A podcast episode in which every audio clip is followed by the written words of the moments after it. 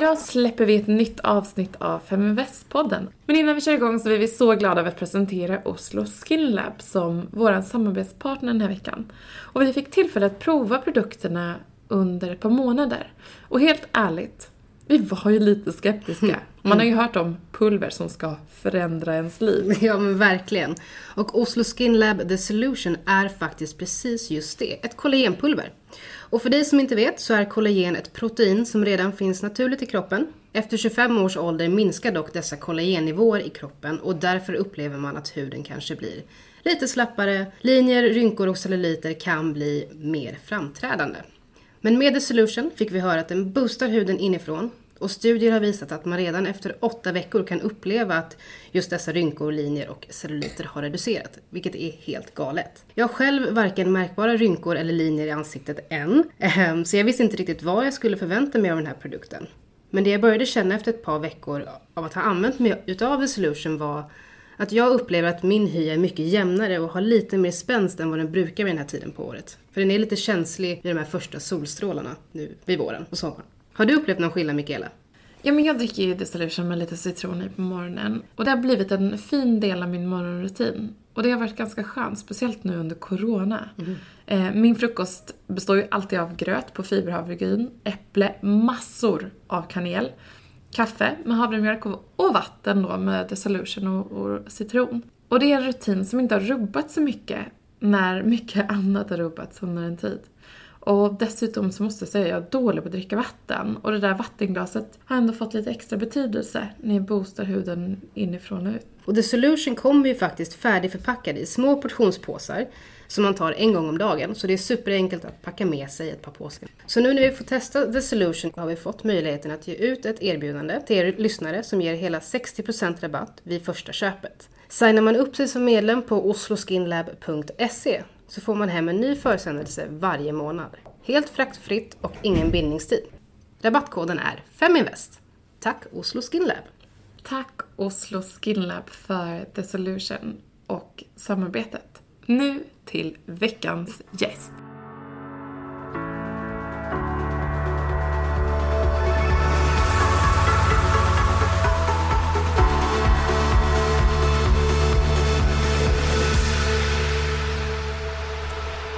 Future is Female är konceptet som vi på Feminvest släpper för att belysa och lyfta kunskap, goda förebilder, kvinnliga sådana, eh, och lyfta hur vi ska kunna tillsammans skapa en förändring och uppnå mer jämställdhet i samhället. Sverige är en av de mest jämställda länderna i världen enligt Världsbanken. Så att vi har kommit en god bit på väg. Eh, men vi har grymma gäster och eh, idag så kommer ni att få träffa Ebba Busch. Eh, varmt välkommen till The Future is Female. Tack så jättemycket. Sån härlig setting att få lov att vara med i. Mm. Ja, men och i det här showroomet och ja, det är en härlig känsla. Du fick uppdrag att bli partiledare under en graviditet. Mm.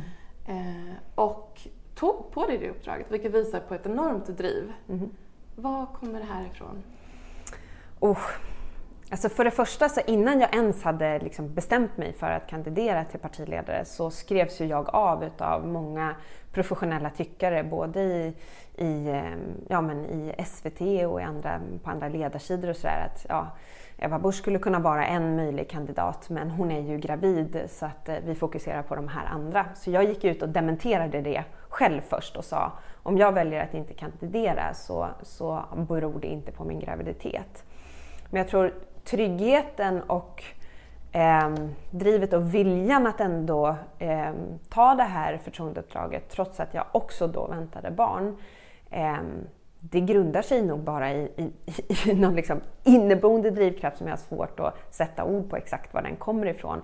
Att vara med och förändra och förbättra i stort och i smått oavsett var jag är. Eh, och jag har inte tänkt att hålla på med politik hela mitt liv. Eh, och det var absolut inte givet, eller den här, så här, givet mål att jag skulle bli partiledare. Absolut inte. Eh, men det fanns en möjlighet och jag försökte värdera möjligheten att att lyckas tyngre än alla rädslor som fanns för, för att misslyckas eller vad som skulle hända om jag kanske bara några veckor efter att jag hade blivit vald och fött barn konstatera att ja, men det här kommer inte gå att kombinera. Jag kunde ju ha fått ett barn med en väldigt allvarlig sjukdom till exempel.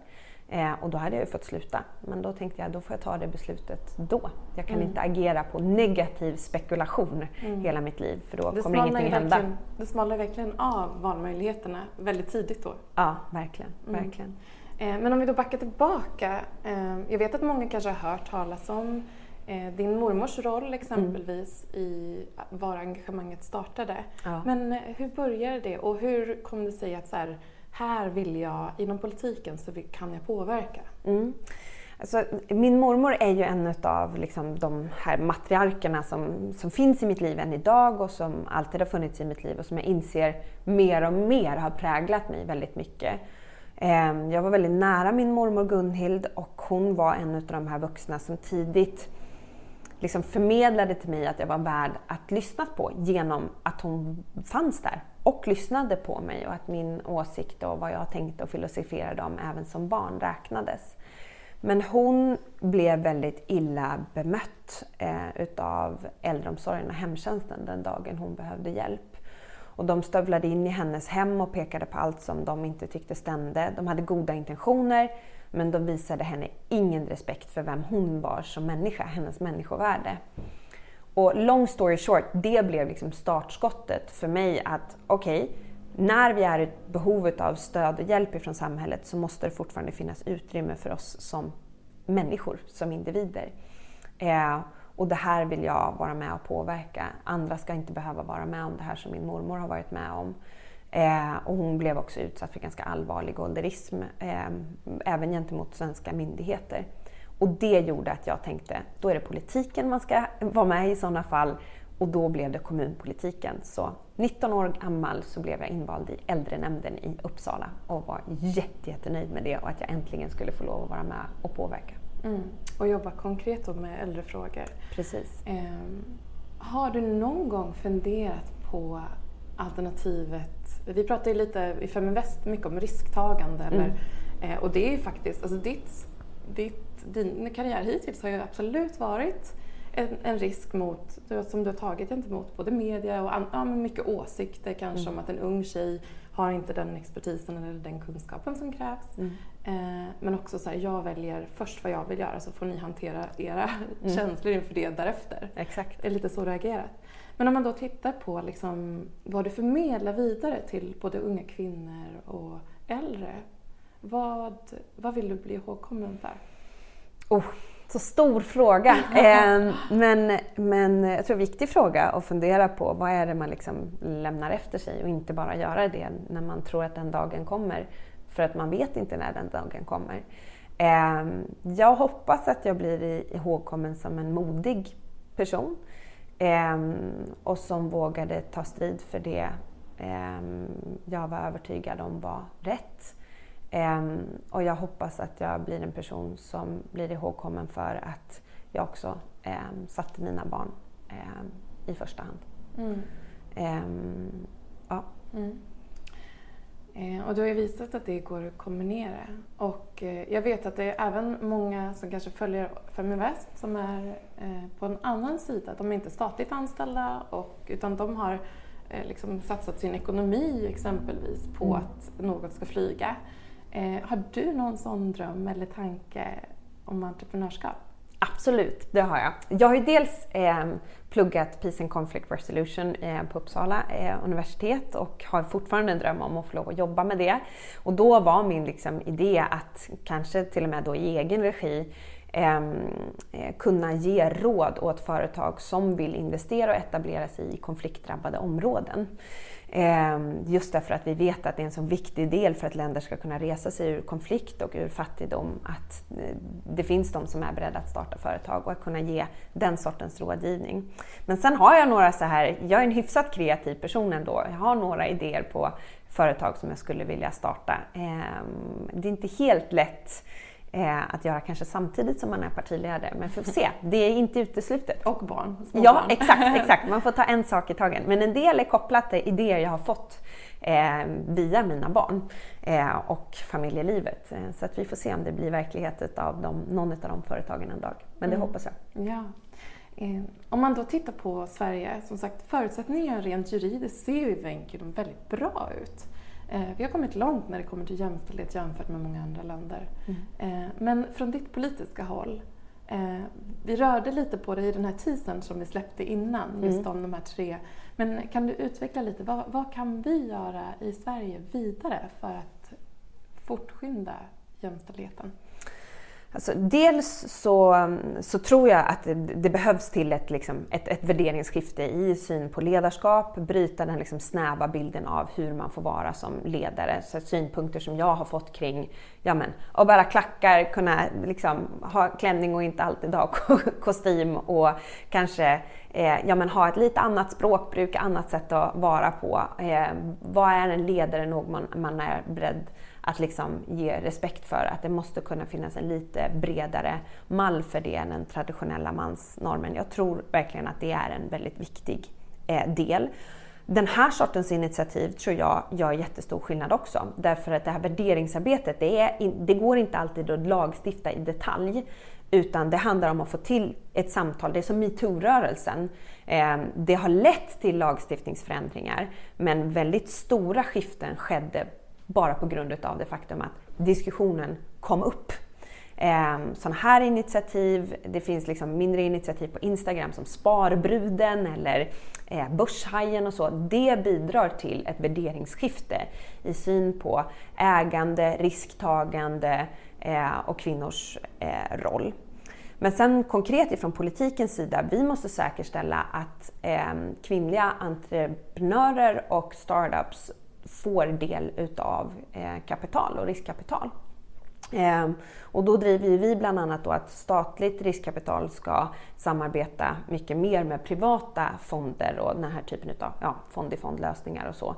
Ehm, för att vi ser att det ehm, ger effekt på då drivna kvinnliga entreprenörer att de tar del då, vi har möjlighet att styra på ett annat sätt och säkerställa att de får del utav riskkapital på ett annat sätt. Vilket jag tror är en, här, en konkret viktig sak att jobba med. Mm. Ja, det, det, jag brukar säga att eh, i och med att vi är med och förmedlar riskkapital så brukar jag säga att det, det är ett lost potential. Mm. Eh, att liksom, vi inte ser alla de här möjligheterna. För man ser, jag får ju väldigt mycket kvinnliga entreprenörer som kommer till mig. Mm. Eh, hade liksom bara sju stycken entreprenörer igår som mejlade mig och söker riskkapital. Mm. Eh, så wow. det är ett enormt behov. Mm. Eh, av liksom, ja, som drömmar egentligen. Mm. För mm. jag försöker ofta skala ner det till det, för man kan prata om liksom ägande och de här hårda mm. eh, orden. Men det handlar ju någonstans om någons dröm och att våga ta stegen mot att uppfylla den drömmen. Mm. Eh, det finns ju data där som visar att exempelvis utrikesfödda kvinnor eh, har svårare mm. att eh, få tillgång till kapital Eh, Eh, man kanske inte har historik liksom, som visar på hur man har skött sin ekonomi sedan tidigare eh, och så vidare. Hur, hur kan man bidra här, tror du, politiskt? Jag tror det är många olika eh, faktorer. Dels så behöver vi i Sverige lyckas med vår integration eh, mycket bättre, mycket snabbare. Vi ser att det är så många av dem som kommer till Sverige som har en, ett enormt drivkraft och vilja att etablera sig i det nya hemlandet, mm. men som möts av en vägg eh, där man upplever att det inte är tydligt vad är vägen in i det svenska samhället. Eh, och, men där det är uppenbart att okej, okay, jag kom inte fram den här vägen, men det är ingen som vågar tala om vad är den tydliga vägen in? Vad förväntas? Man vill eh, liksom vara beredd att uppfylla kriterierna, men det är ingen som vågar kanske prata rätt ut om, jo men det är det här som krävs för att liksom kunna bli en del. Eh, men sen tror jag att här kan man ju fundera på hur mycket eh, drabbas till exempel utlandsfödda kvinnor för att de är utlandsfödda och hur mycket är det för att de är kvinnor? Eh, och hur mycket är en, är en kombo? Men jag tror att om vi banar väg för alla kvinnor i, eh, kring liksom startups och möjligheten att starta eget och ta del av kapital i kombination med bättre integration, eh, då är det i alla fall ett, ett stort första steg på, eh, på vägen. Men sen tror jag också att det finns en nidbild utav invandrarkvinnan inom citationstecken av att hon är Eh, lite mer livegen. Eh, och att det också gör att eh, det, det, är en fördom som man behöver liksom krossa för att kunna se eh, alla kvinnor som självständiga och att man inte utgår ifrån sina fördomar alltid. Mm. Eh, en annan eh, liksom, bild eller som kommer utifrån den statistiken som tas fram är i förhållande till löneutvecklingen. Det gjordes en omfattande studie i Danmark exempelvis för något år sedan eh, där man visade tydligt att det är vid... Eh, alltså unga kvinnor idag är väldigt bra på att löneförhandla. Vi är högutbildade, vi har lättare att komma in på, lätt, ja, att komma mm. in på arbetsmarknaden. Men efter att barnen kommer till mm. eh, så förändras löneutvecklingen och det stagnerar i större utsträckning för kvinnor mm. och för männen fortsätter. Vad tänker du om det fenomenet? Det är, ett jätte, det är verkligen en sorg tycker jag att ta del av den, eh, den statistiken. Dels därför att vi idag i Sverige har eh, lagstadgat att man även under sin eh, föräldraledighet ska få ta del av lönerevisionerna och möjlighet att, att både löneförhandla men också den, liksom, den allmänna uppräkningen utav, eh, utav eh, löner. Eh, men Alltså det här det är verkligen en jättefråga att eh, jobba med men jag tror fortfarande att det är så att vi har många arbetsplatser som är anpassade efter... Alltså om man vill visa framfötterna eh, och ta mycket plats då förväntas man också vara på jobbet mycket. Komma tidigt, gå sent. Vet du vad? De timmarna säger ingenting om vilken kapacitet man har att leverera. Eh, och jag skulle önska att det var fler chefer som bara, oavsett om de hade barn eller inte, nej men det blir inga möten efter fyra, punkt. Eh, och gå du och hämta dina barn eh, när du vill, men jag räknar med att det här är gjort till klockan 12 i natt. Liksom. Mm. Eh, och så får man lita på att eh, vuxna kvinnor som har liksom, kunnat sätta barn till världen nog ska kunna hantera och fördela sin arbetstid också själva. Mm. As long as you get the job done. Ja men verkligen. Eh, och intressant det där med att inte ha några möten efter klockan fyra. Det förs en dialog runt det. Mm. Och eh, det är väl i och för sig du skulle behöva jobba för det är partiledardebatter och det är eh, att vara med i Aktuellt eller mm. diverse medieintervjuer. Så, så det, där kan det ju faktiskt kan det vara svårare. Men eh, jag tror att många småbarnsföräldrar sitter på kvällarna mm. också mm. när de har tagit de där kvalitets timmarna mm. mellan fem och sju mm. eh, och eh, faktiskt eh, sätter sig och jobbar. Mm. Och jag är en och det måste ju vara tillåtet att göra det. Och det bara, jag kan tycka att det fortfarande är lite snävt den bilden att så här, eh, vill man visa att man är beredd att axla ett tyngre ansvar på arbetsplatsen så måste man jobba specifika timmar på plats. Mm. Eh, och jag tycker att det viktiga är att vi, liksom, vi blir värderade för arbetsinsatsen, inte att mötet att man ska kunna vara med på ett möte liksom 16.30. Mm. Ehm, så. Och det är kanske någonting som kommer eh, som en, en smygande eller en snabb förändring i och med det viruset som har drabbat världen. Mm. Eh, en annan drabbad målgrupp i, i följden av det här viruset det är ju eh, kvinnliga entreprenörer. Och varför mm. säger jag det? Jo, för att Eh, av en anledning, när jag började luska i liksom, Statistiska central i den data som finns mm. så, eh, så såg jag att vi startar ju i högre utsträckning enskild firma och jag tror att vi upplever det som ett tryggare alternativ att dra igång en verksamhet. Mm. För att det är ett eh, enklare steg, eller? Förmodligen. Mm. Eh, I kombination med, tidigare var det 50 000 i startkapital för ett aktiebolag och det är inte alla som har tillgång. Nu är det sänkt till 25 000. Mm.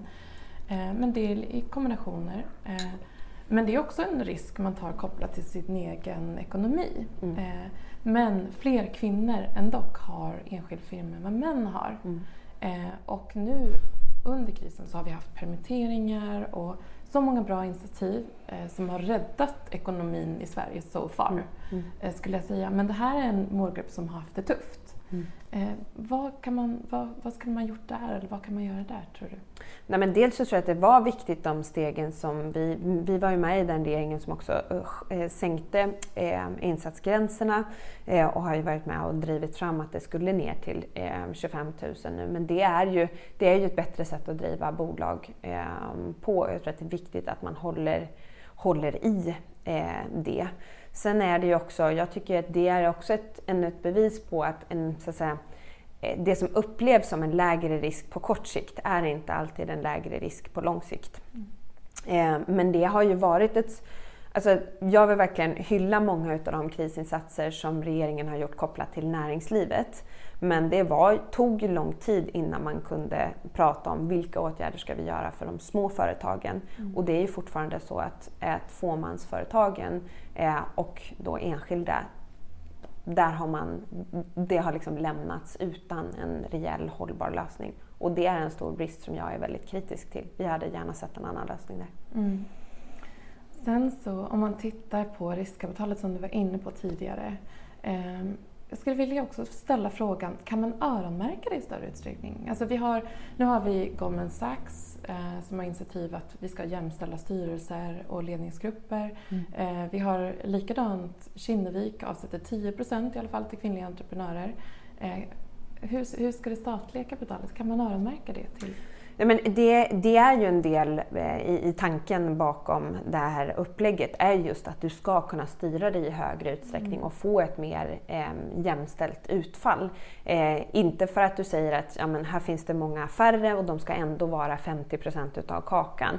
Eh, utan för att värdera och vikta alla mer jämställt än vad som har gjorts tidigare. Det är bara att titta på eh, de statliga bolagsstyrelserna som till slut ändå, när Mats Odell var finansmarknadsminister, eh, så nådde man en, en mer jämställd balans mellan dem.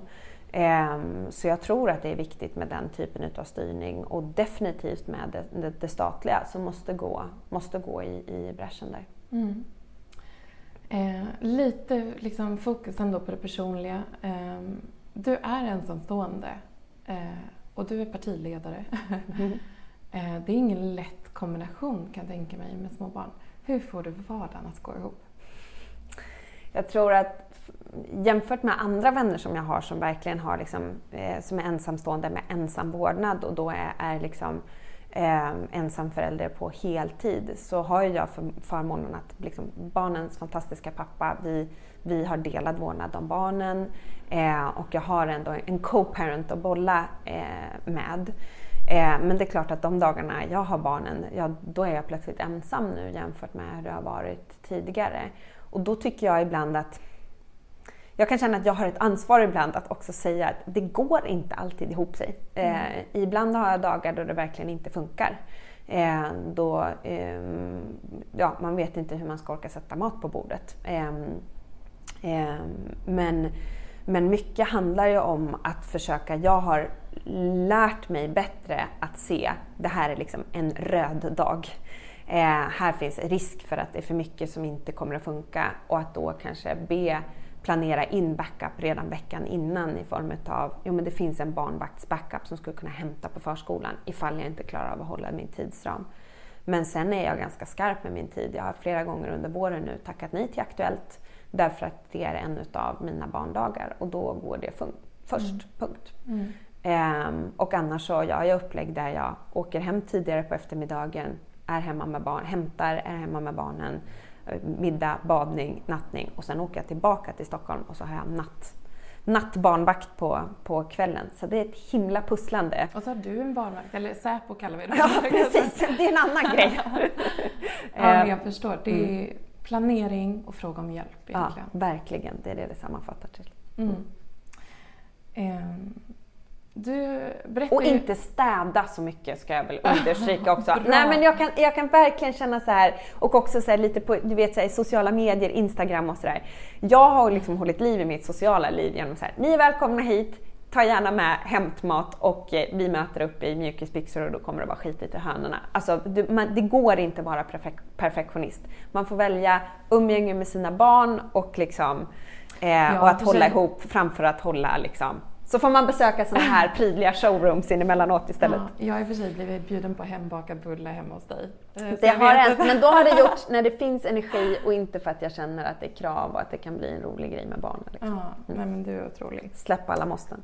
Um, om man då tittar på um, liksom, du berättade om din mormor som en, en, en eh, anledning till att du påbörjade ditt engagemang. Mm.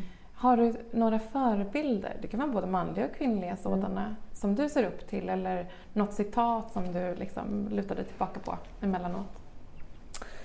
Eh, alltså, dels så, jag, jag, har inspir- jag märker att jag har påverkats mycket utav eh, både liksom, eh, Torypartiets eh, ledare Margaret Thatcher i Storbritannien och Angela Merkel som ju dessutom tillhör samma liksom, politiska ideologi som, som jag i Tyskland.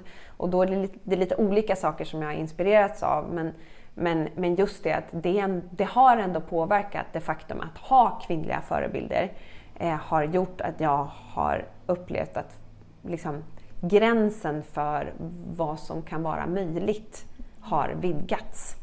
Eh, så. Och det har, eh, det har betytt väldigt mycket. Men sen var det ju, mig veterligen så är det ingen som har blivit vald höggravid till liksom partiledare för ett politiskt parti förut. Mm. Och där har jag gått tillbaka väldigt mycket till fått pröva mig själv gentemot det jag själv brukar prata om i så många sammanhang. Är drivkraften att ta beslut utifrån nej, jag vill inte misslyckas, det här är förknippat med för mycket risk. Eller är drivkraften, jo men det finns en möjlighet att lyckas. De drivkrafterna är väldigt olika. Mm. Eh, och att vara medveten om det. Och när man funderar på vad är risken, vad är det värsta som kan hända? Så har jag försökt ställa mig frågan, motfrågan, är det verkligen det värsta som kunde hända? Mm. Alltså när jag kandiderade till partiledare, vad var det värsta som kunde hända? Ja, att mitt parti inte ville ha mig, att de ville ha någon annan. Och om man sätter sig ner och funderar på, är det verkligen det värsta som kan hända? Mm. Eh, nej, det är faktiskt inte det värsta som kan hända. Mm. Då får man sörja, bryta ihop, brush it off och gå vidare mm. eh, och göra någonting annat istället. Eh, ja. Och jag tänker också, vi har ju nu, eh, för de här eh, förebilderna som du lyfter är ju gamla Iron Ladies på mm. ett sätt. Eller mm. en äldre, nu ska, skulle Angela Merkel inte vilja höra det. Men, men, en äldre generation Absolut. som har liksom byggt upp en karriär under många år. Men det vi ser nu i våra grannländer också är ju en ung generation, modig, eh, liksom, eh, kvinnlig generation som, mm. som tar för sig och mm. leder. Absolut. Och som också sett värdet i att här, jag har väldigt stor respekt för erfarenhet eh, och för den erfarenhet som bara kommer av att man har levt länge. Mm. Men när erfarenhet möter engagemang och eh, kunnande, att man är påläst, eh, då it levels the playing field lite grann. Eh, det jämnar ut spelplanen heter det på svenska. Eh, och eh, det gäller att komma ihåg det och att visa respekt för de som har gått före. Dra på deras erfarenhet. Fråga, kan vi ses på lunch? Och, eh, liksom, jag får plocka din hjärna lite grann och dra, mm. dra på tidigare erfarenheter. Det tror jag är jätteviktigt. Mm. Kroka arm mellan generationerna. Mm. Eh, och eh, vi tar den bryggan över till vad är då dina bästa karriärtips? Mm. Så här. Ja men eh, att börja med den, ja, den då eh, är faktiskt att eh, om man skulle vilja, eh, man söker nytt jobb eh, eller vill röra sig in i en ny bransch eller känner att ja, men, här finns det någonting där jag eh, skulle behöva lära mig mer utav. Att faktiskt vara ganska frimodig i sitt nätverkande. Mm. Det värsta som kan hända det är att man inte får något svar alls eller att man får ett nej. Och det är som sagt inte det värsta. Mm. Så våga nätverka frimodigt ehm, och eh, eh, fråga om en, en kopp kaffe eller liksom om man får bjuda på lunch eh, mot att man får plocka lite erfarenheter. Och utifrån det så får man ju också en, en nätverkskontakt in. Eh, och det andra är att våga, våga söka, våga tacka ja.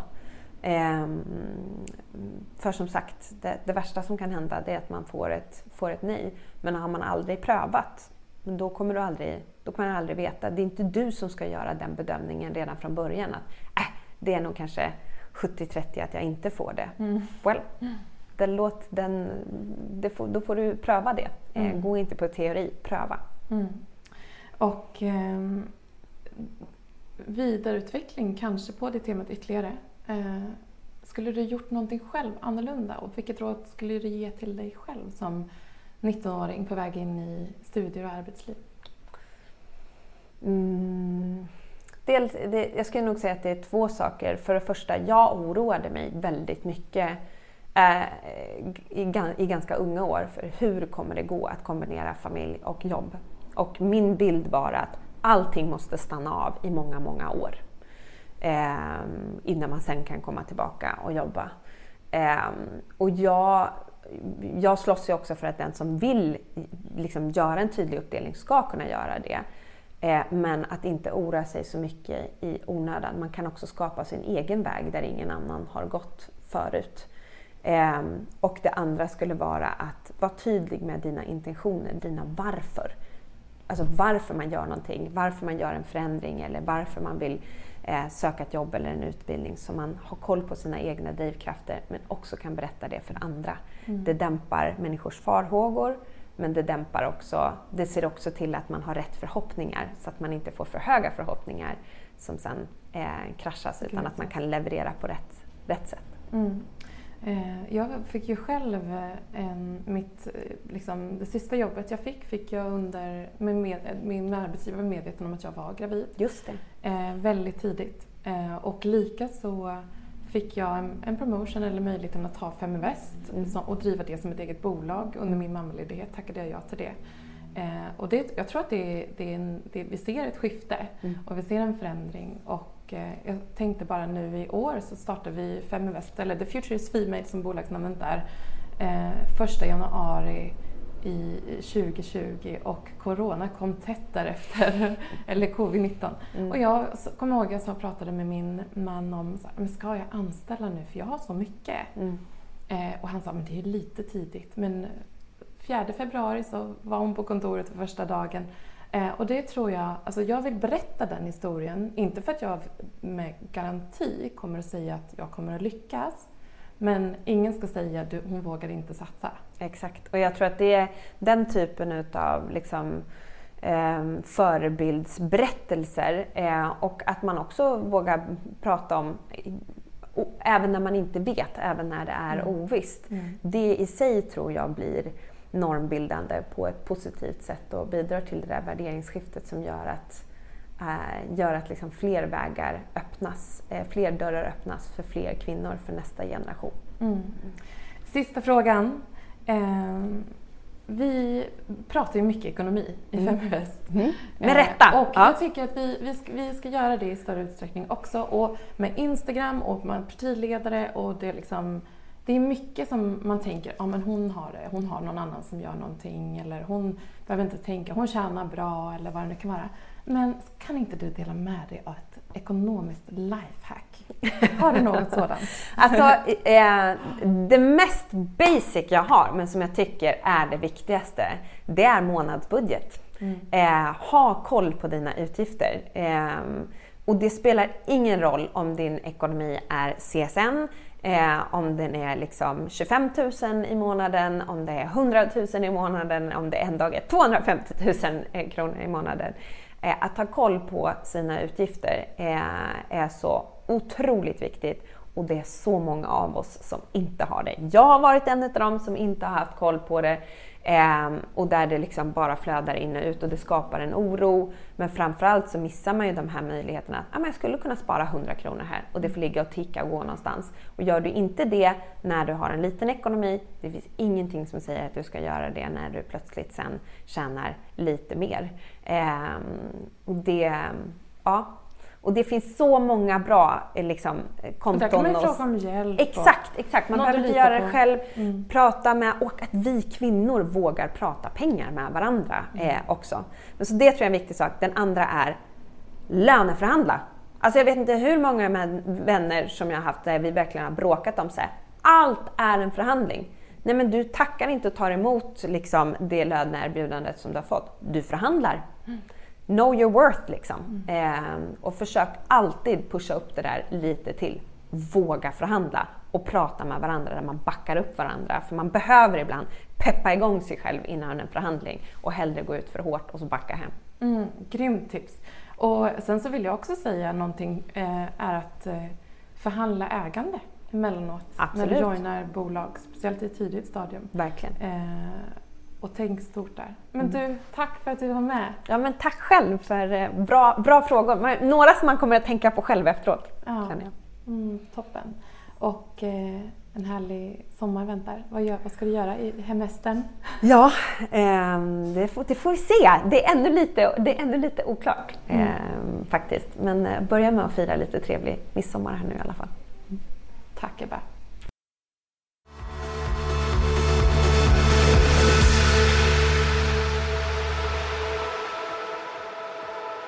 Är Sveriges största investeringsnätverk för tjejer.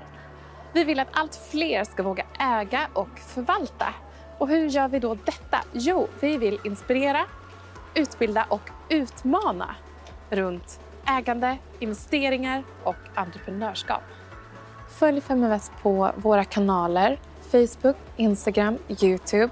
Varje vecka så kommer vi även ut med en podd och du kan ju självklart även följa nyheterna som publiceras på feminvest.nu. Det är bara att söka på Feminvest på samtliga kanaler så hittar du till oss.